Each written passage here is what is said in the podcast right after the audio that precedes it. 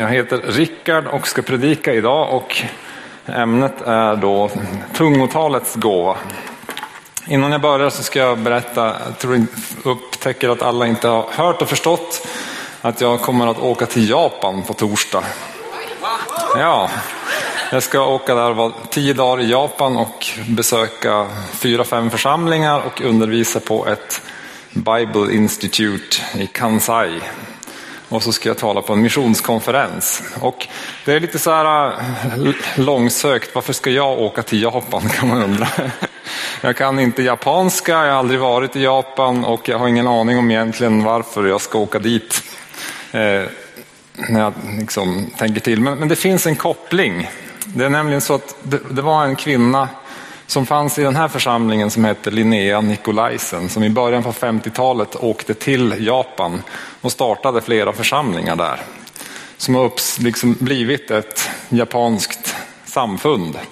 Och nu, vad kan det vara, 70 år senare så, så behöver de ta nya steg igen med att eh, nå ut med evangeliet, starta nya församlingar och så.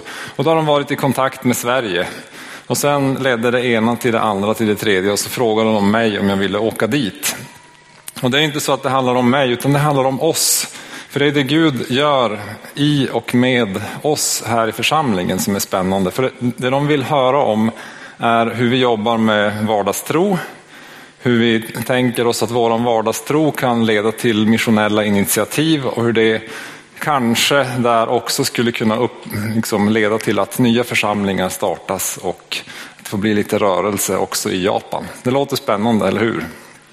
Ja, och därför eftersom det inte bara handlar om mig utan om församlingen så skulle jag verkligen uppskatta om, om ni ville be för mig för den här resan. Om du känner att du är beredd att satsa lite extra att be för det så ta kontakt med mig efteråt här så kan jag ge dig lite mer info om det också. Vi är mitt i en serie om andliga gåvor, gåvor från himlen. Förra veckan handlade det om tjänande, nästa vecka handlar det om vishet. Och så har vi klämt in det här med tungotal däremellan. Och det här måste ju också då förstås i den större bilden när vi talar om församlingen som en kropp med många olika gåvor. Om församlingen som en kropp där vi med våra gåvor bygger upp varann. Men också en församling som är sänd av Gud för att beröra den här världen med goda nyheter om Jesus Kristus. När man ska prata om tungotalets gåva, ni hörde ju eh, vittnesbördet här i början på, på video, så ja, men det finns lite olika reaktioner och bara i Bibeln så, så är ju en reaktion, vilken galenskap. De har druckit sig fulla på vin. Eller eh, vad är meningen med det här? Ingen fattar ju ändå någonting. Eller fantastiskt, det här är Guds kraft som visar sig. Så, och någonstans däremellan så spänner det och spänner också våran eh, kanske erfarenhet och upplevelse och vårt känsloläge. Jag ska läsa ur Bibeln från Apostlagärningarna 2 och det är ett lite längre sammanhang så att det rymdes inte på en sida på väggen så att ni får slå upp det i Bibeln eller på, på er mobiltelefon. Och det här är från pingstdagen i Jerusalem. Apostlagärningarna 2 och 2. Då kom plötsligt från himlen ett dån som när en våldsam storm drar fram och det fyllde hela huset där de satt. Tungor som av eld visade sig för dem och fördelade sig och satte sig på var och en av dem. Det är det den där bilden försöker illustrera. Och de uppfylldes, av all, uppfylldes alla av den helige ande och började tala främmande språk allt eftersom anden ingav dem att tala. Nu bodde i Jerusalem fromma judiska män från alla folk under himlen. Och när dånet hördes samlades folkskaran och alla blev mycket uppskakade eftersom var och en hörde sitt eget språk talas. Häpna och förundrade sa de, är de inte galileer, alla dessa som talar? Galileer, det var den tidens norrlänningar, om man ska säga.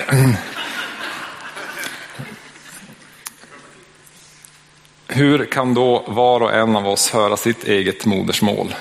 Vi som är parter, meder eller elamiter, vi som bor i Mesopotamien, Judeen eller Kappadokien, i Pontus eller Asien, i Frygien eller Pamfylien, i Egypten eller Libyen, åt syrene till eller inflyttade främlingar från Rom.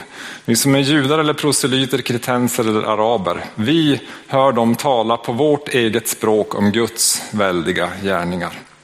De var alla mycket häpna och förvirrade och frågade varandra, vad kan detta betyda? Men andra sa hånfullt, de har druckit sig fulla av sött vin. Då trädde Petrus fram tillsammans med de elva och tog till orda och talade till dem. Ni judiska män och alla ni som bor i Jerusalem, detta bör ni veta och lyssna nu på mina ord. Det är inte som ni tror att dessa är berusade. Det är ju bara tredje timmen på dagen. Nej, det är detta som är sagt genom profeten Joel och det ska ske i de sista dagarna, säger Gud. Jag ska utgjuta av min ande över allt kött. Era söner och era döttrar ska profetera era unga män ska se syner och era gamla män ska ha drömmar. Det här är ju en märklig upplevelse. För de som var med, de här galileerna som helt plötsligt börjar prata alla språk. Och det är det första som händer när först dånet, sen eldstungorna och sen börjar de prata på alla dessa språk. Alla folk från hela jorden. Vad är det som, som händer? Och det här visar ju också något av det, det viktigaste av vad anden vill göra. För att förstå det här så måste vi liksom backa till gamla testamentet, till första Mosebok, elfte kapitlet, där eh, människorna börjar bygga sin stad, Babylon, eller Babel. Och börjar bygga på Babels torn för att göra sig ett eget namn. Alltså att skapa sig en identitet utan Gud. Och rakt genom Bibeln så finns ju det här äh, Babylon, Babel som, som människans stad. Och så finns Jerusalem som Guds stad. Så ha den tanken i huvudet bara. Det, det äh, skrivs då i första Mosebok 11, vers 6. Där Gud talar ut över det här Babels tornsbygget. De är ett enda folk och har alla samma språk. Detta är bara början. Nu är ingenting omöjligt för dem vad de än föresätter sig. Låt oss stiga ner och skapa förvirring i deras språk så att den ene inte förstår vad den andra säger. Och Herren skingrade dem från denna plats ut över hela jorden och de slutade att bygga på staden. Alltså Gud förvirrade människornas språk, som då alla pratade ett språk, så att man inte förstår varandra. Och det är därför som vi måste läsa tyska och franska och spanska och engelska och traggla grammatik i skolan. För att, för att vi inte förstår varandra. Och för att vi då helt plötsligt måste lära oss varandras språk för att kunna förstå varandra. Och det här var något som Gud gjorde för att hindra människan att bygga sin stad i uppror mot Gud för att göra sig, sitt namn ärat och prisat istället för Guds namn. Alltså det här är ju en bild också av när vi människor i synd bygger något i uppror mot Gud så kommer den här förvirringen. Det som händer på pingstdagen är ju att de här lärjungarna fylls av anden i Jerusalem, i Guds stad. Och så börjar de, börjar de att berätta om Guds väldiga gärningar på alla språk. Och det, det handlar ju om att Gud då både förstår men också talar alla språk. Och att Gud vill att på alla språk, alla de här människorna som, som gjorde uppror och som inte förstår varann ska kunna förstå vem Gud är och bli ett nytt folk, en ny kropp. Och det här är ju vad anden gör på, på pingstdagen. Då för att, och, och nyckelordet är förstå. För först så skulle de inte förstå varandra i Babylon, men här kommer anden så att vi ska förstå. Inte så att vi alla talar samma språk igen, utan att Gud genom oss talar alla språk. Så att alla ska förstå vem han är. Inte att vi är stora, utan att Gud är stor. Det här är lite så här en teologisk grund för det vi ska tala om här alldeles strax. Att alla på alla språk ska förstå vem Gud är. Så att vi kan vara ett folk, en kropp, På 90-talet var vi i Ryssland. Jag har berättat en del om det, kanske berättat det här också. Men vid ett tillfälle så, så bad vi för människor att de skulle få ta emot den helige ande. Och då var det en kvinna där som, som kom lite i gasen så, och började vifta med armarna och prisa Gud. Och så började de på svenska, att prisa Gud på svenska. Jag kommer inte ihåg exakt vad hon sa, men hon körde på liksom och prisade och upphöjde Jesus på, på svenska. Så efteråt så gick jag och några andra fram till henne och sa, det var kul att se dig, det var roligt med en här som pratar svenska. Och hon förstod ingenting. Så vi förstod att hon hade fått liksom, tungotal på svenska för att prisa Jesus och upphöja honom. Det var lite kul att höra då att så här förstå att ja, men det, handlar om, det handlar om lovprisning av Jesus fast på, på ett språk som jag då förstod. Jag har också mött missionärer som i olika situationer har fått förbön av personer som har börjat tala i tungor under förbönsstunden och då gett dem budskap och hälsningar på ett språk som missionären förstod men inte den som framböd, alltså som talade i tungor förstod. Det är spännande att Gud kan göra sådana saker. Jag känner också en annan Rickard, inte jag alltså, utan en som heter Rickard Lundgren som är eh, pastor i Nykvarn just nu. Som på 90-talet var i Albanien och predikade. Och fick språket liksom utan att studera. Helt plötsligt så kunde han prata och förstå albanska. Och han är till och med så här officiell tolk, svensk-albansk tolk som, som myndigheterna ringer till för att få hjälp att tolka. Det är spännande vad Gud kan, kan göra. Det är sånt här som är svårt att tro på när man hör det, men, men eh, uppenbarligen så kan han prata albanska och kunde inte det tidigare. Vi ska gå in och se också på tungotalets gåva i församlingen. Och då ska vi läsa från första Korinthierbrevet 14, några versar. Återigen får ni titta i era biblar från 14 och 1 till 5.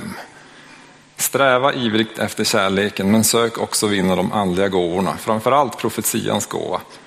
Den som talar tungomål talar inte till människor utan till Gud. Ingen förstår honom när han i sin ande talar hemligheter. Men den som profeterar talar till människor och ger dem uppbyggelse, uppmuntran och tröst. Den som talar tungomål uppbygger sig själv, men den som profeterar uppbygger församlingen. Jag önskar att ni alla ska tala tungomål, men hellre att ni ska profetera. Den som profeterar är för mer än den som talar tungomål, om inte denne uttyder sitt tal så att församlingen blir uppbyggd. Så läser vi vers 9. Så är det även med er. Om ni inte i ert språk talar begripliga ord, hur ska man då kunna förstå vad ni säger? Ni kommer att tala ut i tomma luften. Innan jag börjar bena ut det här så vill jag att ni ska förstå här att Paulus skriver till en församling en specifik församling i Korint.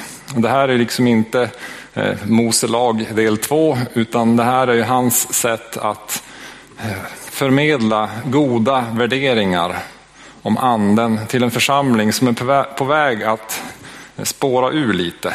Alltså det, det, det verkar som att när de möts så, så talar alla i tungor i varandra. Istället för att säga hej, jag heter Rickard, så säger man någonting liksom karstarabasta här. Och så, så håller alla på så. Och så, blir, och så verkar det bli väldigt eh, förvirrat. Och där, så Paulus behöver ta tag i den här situationen. Han menar inte att tungotal är fel, det framgår av texten. Men, men det, alltså han, han verkar ha förstått det som hände på pingstdagen. Att anden ges så att vi ska förstå vem Gud är. Och att när vi möts så behöver vi tala till varandra och undervisa varandra och uppmuntra varandra så att vi förstår vem Jesus är, så att vi förstår vad Gud har gjort, så att vi förstår att Gud är stor. Det är, det är det som är själva poängen med det han säger, att försöka ge den här församlingen sunda värderingar. För alla i Korint pratade grekiska, så de hade ett språk för att kunna förstå varandra i församlingen och också kunna dela med sig av, av eh, evangeliet i samhället omkring. Lukas, som också var Paulus följeslagare, skrivit i Lukas evangeliet att säden i den goda jorden är det som förstår ordet. Så Gud vill att vi ska förstå vem han är. Gud vill att vi ska förstå att han talar vårt språk. Sen så kommer det liksom ett sammanhang som vi inte ska läsa, men som om man gör en väldigt kort parafras på vers 6-25 så säger Paulus så här, bete er inte som stollar. Om ingen fattar vad ni säger så är det helt bortkastat. Bättre en mening av undervisning än en timmes tungotal. Det är vad han säger om man sammanfattar det. Och därför, säger Paulus, så behöver tungotal som görs högt och tydligt inför andra människor uttydas om det är möjligt. Det är Paulus eh, undervisning om det här. Och det här, alltså, här är vi nu inne liksom på, en, på en annan, eller egentligen på samma form av tungotal som, som på pingstdagen. Alltså det här när, när Gud vill säga någonting till, sin, till människor på ett språk som de förstår men som vi inte förstår. Men om det är så att alla vi pratar svenska här inne och så kommer någon och pratar på något annat språk, japanska till exempel, då begriper vi ingenting och så blir inte vi uppbyggda. Och då menar Paulus att då behöver det uttydas så att vi förstår vad det är Gud vill säga. Så när, här, när den här typen av offentligt tungotal högt så att alla hör, Den här formen av tungotal sker inte så ofta offentligt hos oss. Det förekommer rikligt här, det förekommer i en del andra sammanhang. Och Paulus ger ju utrymme för att det, det ska hända och kan hända. Och att vi får liksom vara med om det spännande att Gud låter oss tala andra språk för att förmedla någonting till andra människor. Om det inte är någon som begriper japanska så, så behöver liksom Guds ande också ge någon gåvan att uttyda det hela så att det kan bli begripligt. Oftast skulle jag säga att gåvan alltså på det här sättet kommer till uttryck i förbönssituationer. Där en förebedjare ber, ungefär som, som Sofia var med om i vittnesbördet, där man ber och så kommer det ord från anden eller man börjar tala i tungor och så ber man ut ord så här. Och sen under tiden som man ber så kan man uppleva att ja, men det är nog det här Gud vill säga. Här är en bild som beskriver, eller här är ett ord till den här personen, eller här är det ord som jag ska be ut på svenska. Och så, så kan det få, få bli en, en förklaring i den bönen också, så att människan förstår vad det är Gud gör. Så. Den andra sidan av tungotalet som Paulus är inne på här och verkligen uppmuntrar till, det är tungotalet som ett bönespråk. Den som talar tungomål talar inte till människor utan till Gud, står det här.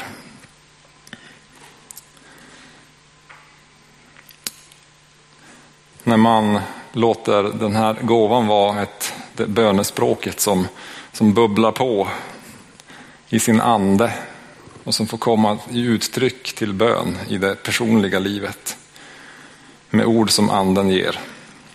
I kapitel 13 och vers 1 där står det om jag talade både människors och änglars språk men inte hade kärlek vore jag endast en ljudande malm eller en skrällande symbol. Det talar om, alltså det är en antydan om att det inte bara är jordiska språk som vi talar utan det kan också vara him himmelska språk. Alltså språk som får vara direkt till Gud. Om man nu är en normal svensk som har gått i svensk skola så tycker man att det här blir lite, nu, nu börjar det vara lite svårt att förstå det här.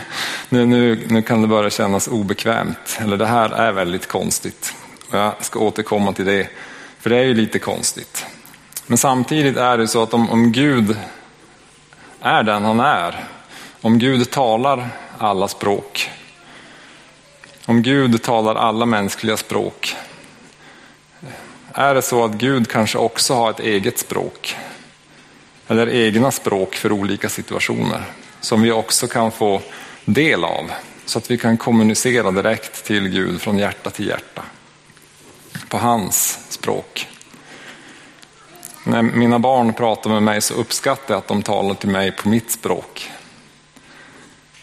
jag tror att Gud som far också uppskattar att, att vi ibland får en gåvan för att tala direkt till, till honom, till hans hjärta, på hans, på hans språk. Det här är ju spännande då när man får börja be på ett nytt språk, tala i tungor. Jag brukar tänka då när jag, när jag, jag praktiserar det själv i, dagligen i min bön och när jag, när jag släpper på det så, så ibland så känner jag att det här är lovprisning. Så ibland så kan man också uppleva att jag ber för något. Jag vet, mitt liksom sinne är ju frånkopplat så jag vet inte riktigt vad jag ber, ber för. Men jag också får lita på Gud i det att nu ber jag nog för något som, som är viktigt. Antingen för församlingen, något som jag inte vet eller förstår eller känner till eller för något annat för den delen i världen. Eller kanske för vad jag ska göra i Japan nästa vecka. Eller så. Det har jag egentligen ingen aning om, men Gud vet. Och när jag gör det i tro på honom så gör det, jag, det kanske bara är liksom någon sorts himmelskt joller, jag har ingen aning om, om hur Gud hör det. Men, men, när jag gör det i tro och i kärlek till honom så, så vet jag att han tar emot det. För det är han som ger anden, det är han som ger gåvan. Och när vi ber om anden så, så får vi inte en, en orm utan vi får en fisk, vi får inte en sten, vi får bröd. Vi får en, en god gåva som vi får använda och ge tillbaks till, till Gud. Sen är det, det Paulus också skriver här är att, eh, att eh, den här gåvan handlar om att vi ska bli uppbyggda. Att vi blir uppbyggda i våran, i våran, våran ande när vi ber i, i tungor. Mm, jag ska se om jag hittar den här versen här bara nu då. Ja, det står där i alla fall. När, vi, Ehm, när jag släpper på tungotalet så, så talar Paulus om att det är för att, inte för att andra ska bli, bli uppbyggd utan för att jag ska bli uppbyggd. Och vad är det som händer? Jesus talar om strömmar av levande vatten som ska strömma igenom oss. Och när jag börjar be, alltså det funkar ju med vanlig bön också, men tungotalet har liksom någon sorts förmåga att koppla, koppla förbi mina tankar och alla de problem och bekymmer och sånt som känslor och sånt som, som kan finnas i huvudet. Och så kan det få vara hjärtats kommunikation direkt med Gud. Och så får, jag liksom vara en, en ström där, det liksom, där anden kommer genom mig och så tillbaks till Gud. Så att det får vara liksom det här kretsloppet, den här kommunikationen med Gud. Där Guds ande får flöda igenom mig och så blir jag på något märkligt sätt uppbyggd i min ande. Inte nödvändigtvis i mitt förstånd, men i min ande så att det, så att det kommer en, en ny gudomlig styrka in i mitt liv. Och självklart också i ditt liv när du kopplar på anden. När de här strömmarna av levande vatten får skölja igenom mig. Där jag får be utan att vara begränsad av förståndet. Och det är framförallt som bönespråk som tungotalet kan få vara en viktig gåva i vardagslivet. I vår vardagstro, där anden får vara nära oss, närvarande, när vi ber, när vi eh, tar tiden med Gud. Och för mig är ju alltid tungotalet också en, en, ett tecken, eller inte ett tecken, utan en, en känsla. Det ger en, en stark känsla av att Gud är närvarande, att Gud är där. För jag vet att det här är inget som jag gör i mig själv och i min egen kraft, utan det är ju hela tiden en kraft som, som Gud fyller på med nya ord som jag får tala ut. Så jag försöker att använda det dagligen. Paulus skriver ju att, att han tackar Gud att han talar tungor, i tungor mer än alla de andra.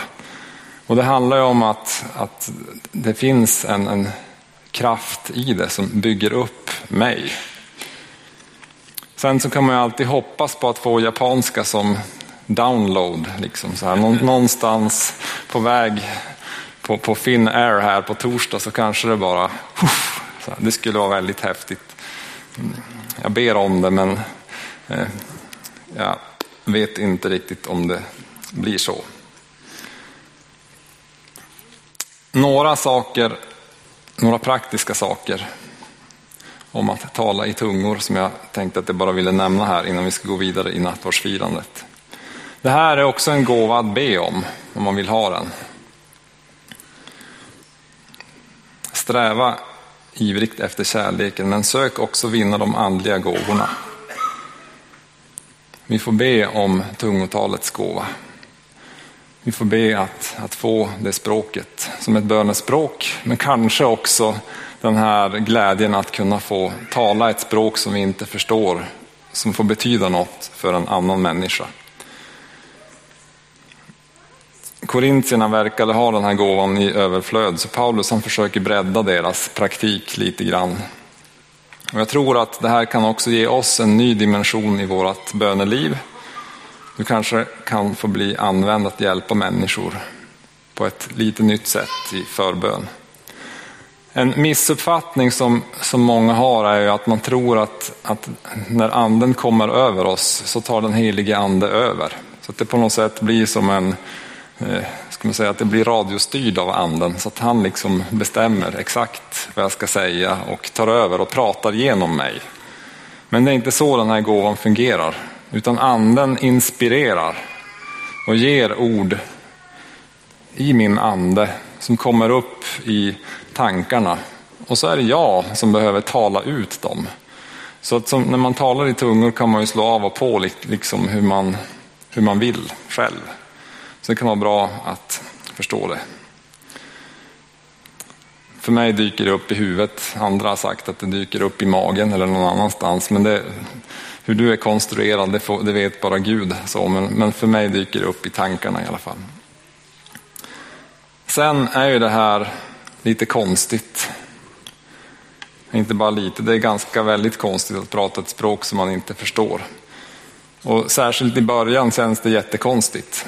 En del som, som har fått förbön, ja, men det kan vara något eller några ord eller någon fras som, som dyker upp i huvudet. Och så var det för mig. Men jag tänkte att ja, men det här låter precis som alla, det, liksom, det känns som att det härmar någon. Så här. Och så höll jag, höll jag det ifrån mig. Men när jag började tala ut de här orden så, så ökade flödet på och så, så kom det fler ord. Och sen så, så började det flöda mera fritt. Sådär. Jag vet andra som också har fått förbön och liksom börjat känna någon form av kramp. Men, men där det har dykt upp när man har satt sig i badkaret på kvällen eller eh, som min svärfar han stod i rulltrapporna på ett varuhus och undrade vem det var som talade i tungor på varuhuset och så upptäckte han att det var han själv. Det är ju sånt som också kan, som också kan hända. Så när man är avslappnad och inte liksom är i, i kramp så, så, kan, så får anden tillgång till oss.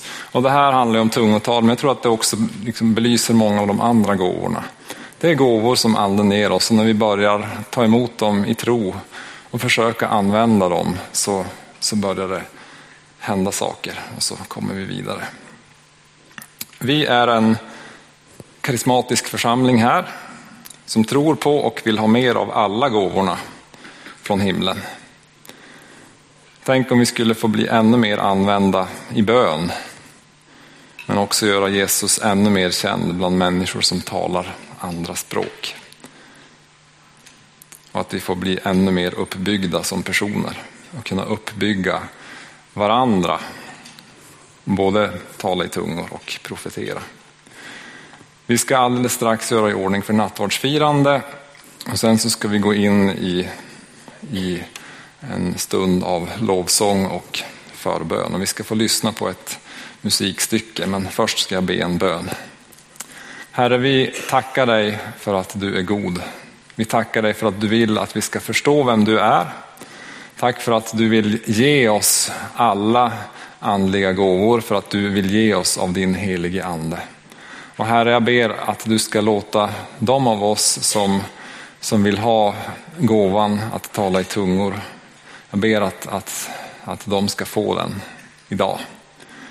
Vi ber att du ska låta din ande flöda igenom oss på ett fantastiskt sätt idag, Herre. I Jesu namn. Amen.